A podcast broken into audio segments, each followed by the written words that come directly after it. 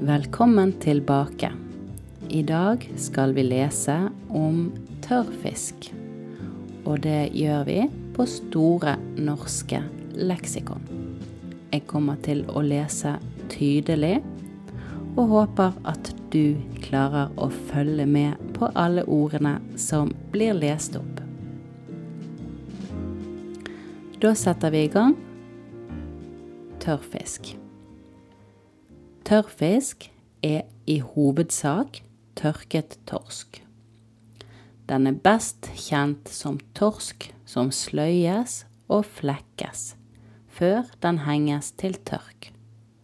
Betegnelsen kan også brukes om andre tørkede fiskearter. Torsken kommer inn til norskekysten i store mengder for å gyte i vårmånedene og menneskene har høstet av denne ressursen i uminnelige tider.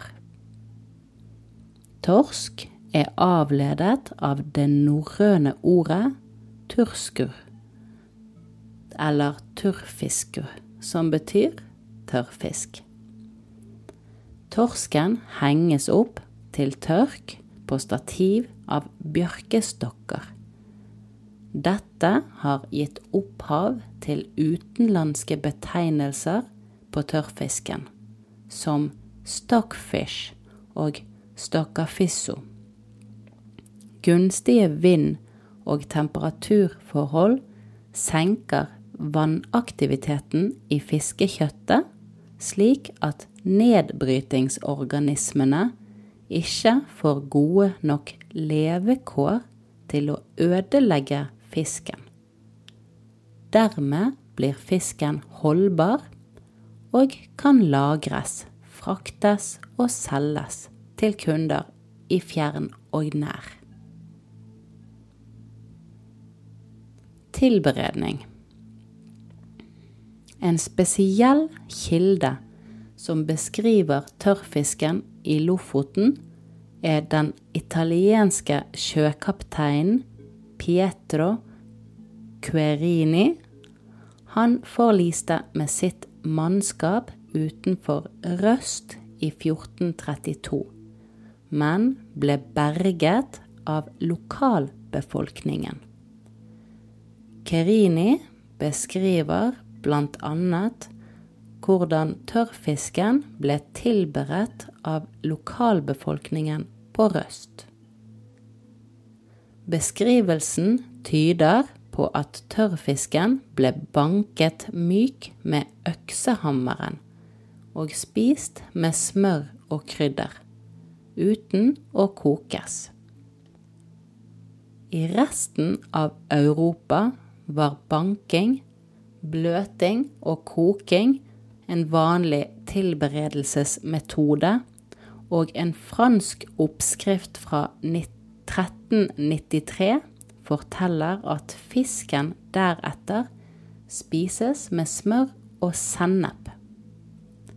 I 1570 skriver den pavelige kokken Scappi fra Italia at fisken ikke skal bankes, men bløtgjøres ved å koke den i vin og krydder. Det kan derfor tyde på at metodene for å bløtgjøre fisken var banking og eller bløting, koking. En dansk kokebok fra 1616 viser at lut kunne tilsettes i bløtevannet, og til og med i kokevannet, for å bløtgjøre tørrfisken raskere. Fisken ble deretter oppvarmet i ferskt vann. Dette ligner en annen tradisjonsrett basert på tørrfisk lutefisk. Tørrfisk serveres i dag på restauranter også i Norge, og tilbehøret er gjerne gulrotstuing, bacon og potet. Det finnes likevel flere retter blant mesterkokker og andre der tørrfisken brukes på andre kreative måter.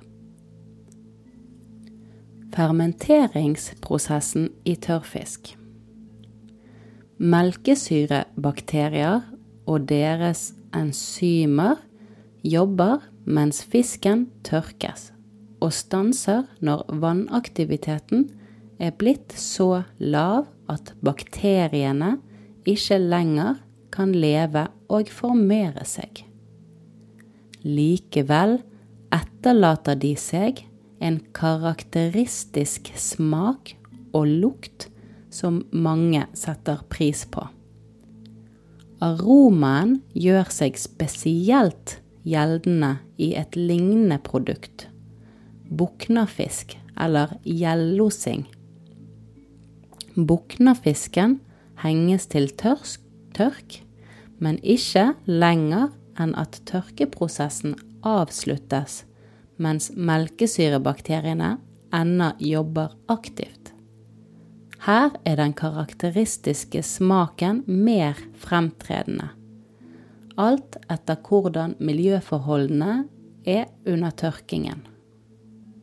Det påvirker også sluttproduktet om fisken henges rund, altså rundfisk, eller flekket, altså råskjær, det vil si delt langs ryggbeinet. Navnet gjellosing kommer sannsynligvis av at fisk som henges rund og oser mer på gjellen enn flekt fisk, fordi tørkeprosessen går saktere og bakteriene får bedre vilkår for vekst, formering og bearbeiding av fiskekjøttet. Hvor lenge de ulike tørrfiskvariantene bør henge, varierer med vær- og tørkeforhold. Som en tommelfingerregel kan man antyde at buknafisken henger i to uker, gjellosingen i seks uker og ferdig tørrfisk i to til fire måneder. Den beskyttede merkevaren tørrfisk fra Lofoten skal ha et vanninnhold på 16 til 27 et proteininnhold på 68 til 78% og et fettinnhold på rundt 1% Historikk Kilder fra 1100- til 1200-tallet, bl.a. i Egils saga, viser at tørrfisken var et høyt verdsatt eksportprodukt allerede i jernalderen, men kanskje også mye tidligere. Fisken var bærende i økonomien i nord i mange hundre år, og ble byttet mot varer fra hele verden. På 1300-tallet utgjorde tørrfisken over 80% av Norges eksport. Bergen fikk monopol på handel fra Nord-Norge av kong Håkon Håkonsson og byen vokste fram som en av Nord-Europas største handelsbyer.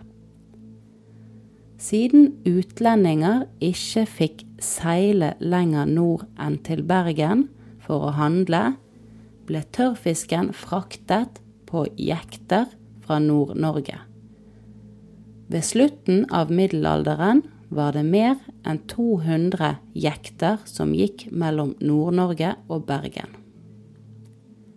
Det var hanseatene som styrte eksportmarkedet fra 1300 til 1754. Da tok nordmenn over. Unge gutter og voksne menn forlot hjemmene sine på etterjulsvinteren for å seile til Lofoten for å fiske. Lofotfiske skulle forberedes på alle måter og hele familien var involvert i produksjonen av Lofotkistenes innhold med ullundertøy, votter, ullsokker, flatbrød, stump og annen nødvendig proviant.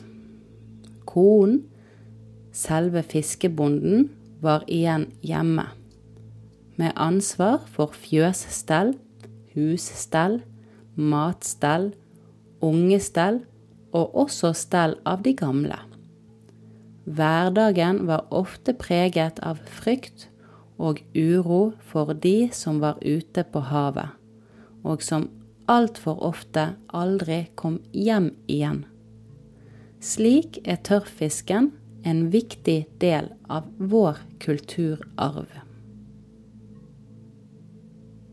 Ja, da leser jeg én gang i normalt tempo, men kanskje noe tydeligere enn jeg ville ha gjort for eh, et norsk publikum.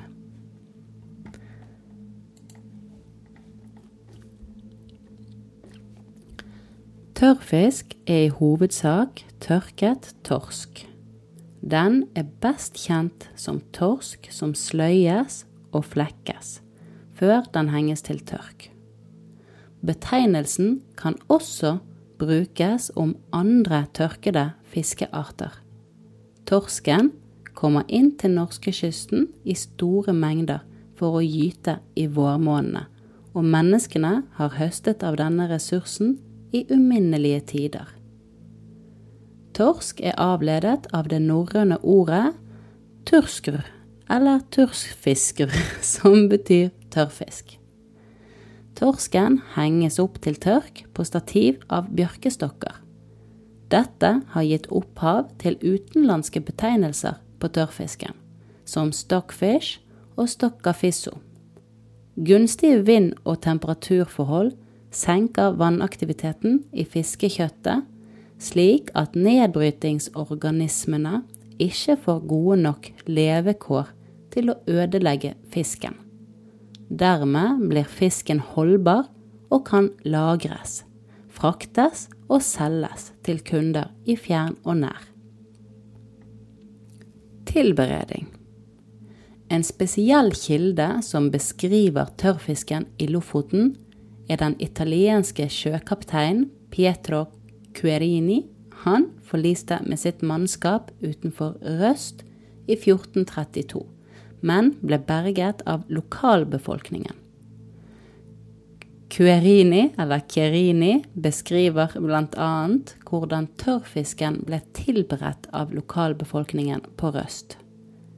Beskrivelsen tyder på at tørrfisken ble banket myk med øksehammeren og spist med smør og krydder, uten å kokes. I resten av Europa var banking, bløting og koking en vanlig tilberedelsesmetode, og en fransk oppskrift fra 1393 forteller at fisken deretter spises med smør og sennep.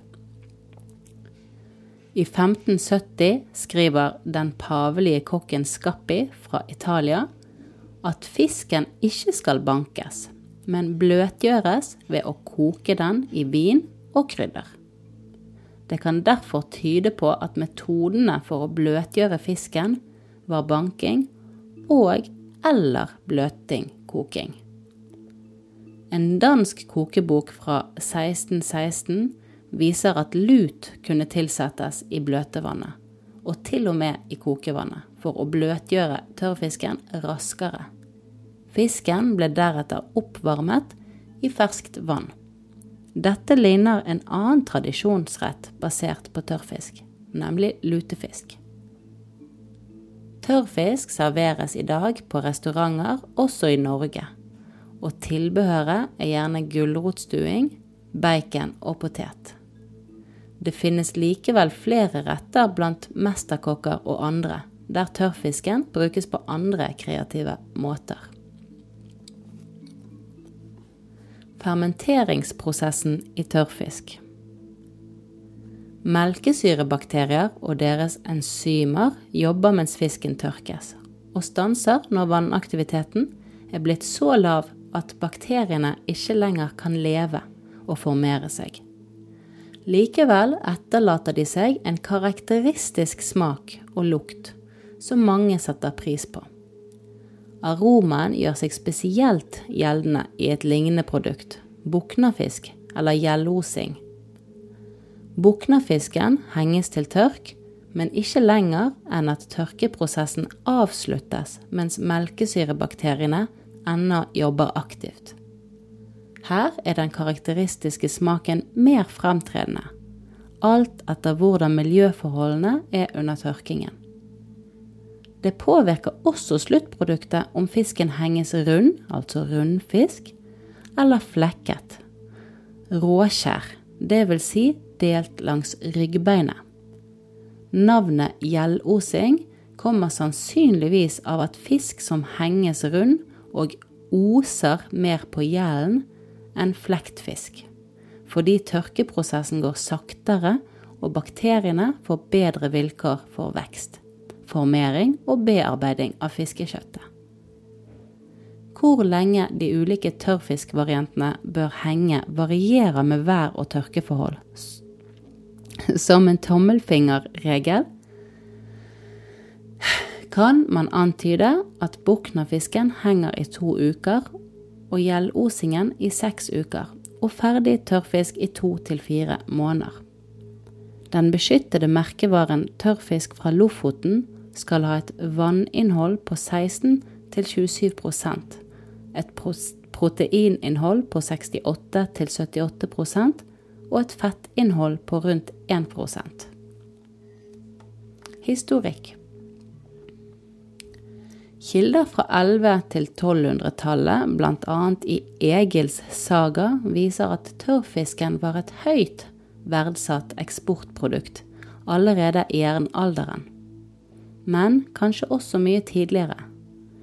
Fisken var bærende i økonomien i nord i mange hundre år, og ble byttet mot varer fra hele verden. På 1300-tallet utgjorde tørrfisken over 80% av Norges eksport. Bergen fikk monopol på handel fra Nord-Norge av kong Håkon Håkonsson. Og byen vokste frem som en av Nord-Europas største handelsbyer. Siden utlendinger ikke fikk seile lenger nord enn til Bergen for å handle, ble tørrfisken fraktet på jekter fra Nord-Norge. Ved slutten av middelalderen var det mer enn 200 jekter som gikk mellom Nord-Norge og Bergen. Det var hansiatene som styrte eksportmarkedet fra 1300-tallet til 1754. Da tok nordmenn over. Unge gutter og voksne menn forlot hjemmene sine på etterjulsvinteren for å seile til Lofoten for å fiske.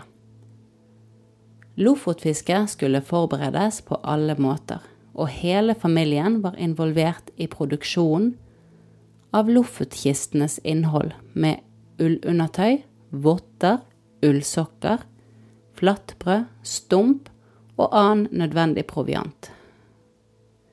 Konen, selve fiskerbonden, var igjen hjemme, med ansvar for fjøsstell, husstell, matstell ungestell og også stell av de gamle. Hverdagen var ofte preget av frykt og uro for de som var ute på havet, og som altfor ofte aldri kom hjem igjen. Slik er tørrfisken en viktig del av vår kulturarv. Ja, da var vi ferdig med den artikkelen, og eh, jeg vet ikke med deg, men jeg lærte i alle fall flere nye ord. Og i tillegg så lærte jeg også mye om tørrfisk og hvor det kommer ifra, og hva rolle den har spilt i Norge opp gjennom årene. Det var det for i dag. Og jeg håper at du liker å lese sammen med meg dette er noe jeg har lyst til å gjøre mer av. Og derfor så ber jeg deg om å fortelle meg hva er det med dette du setter pris på, Og hva er det som kunne vært annerledes for at det skulle blitt til enda mer verdi for deg?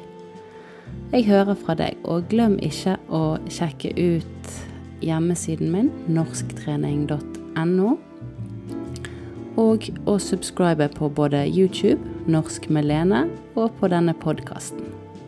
Vi ses, eller vi høres snart igjen.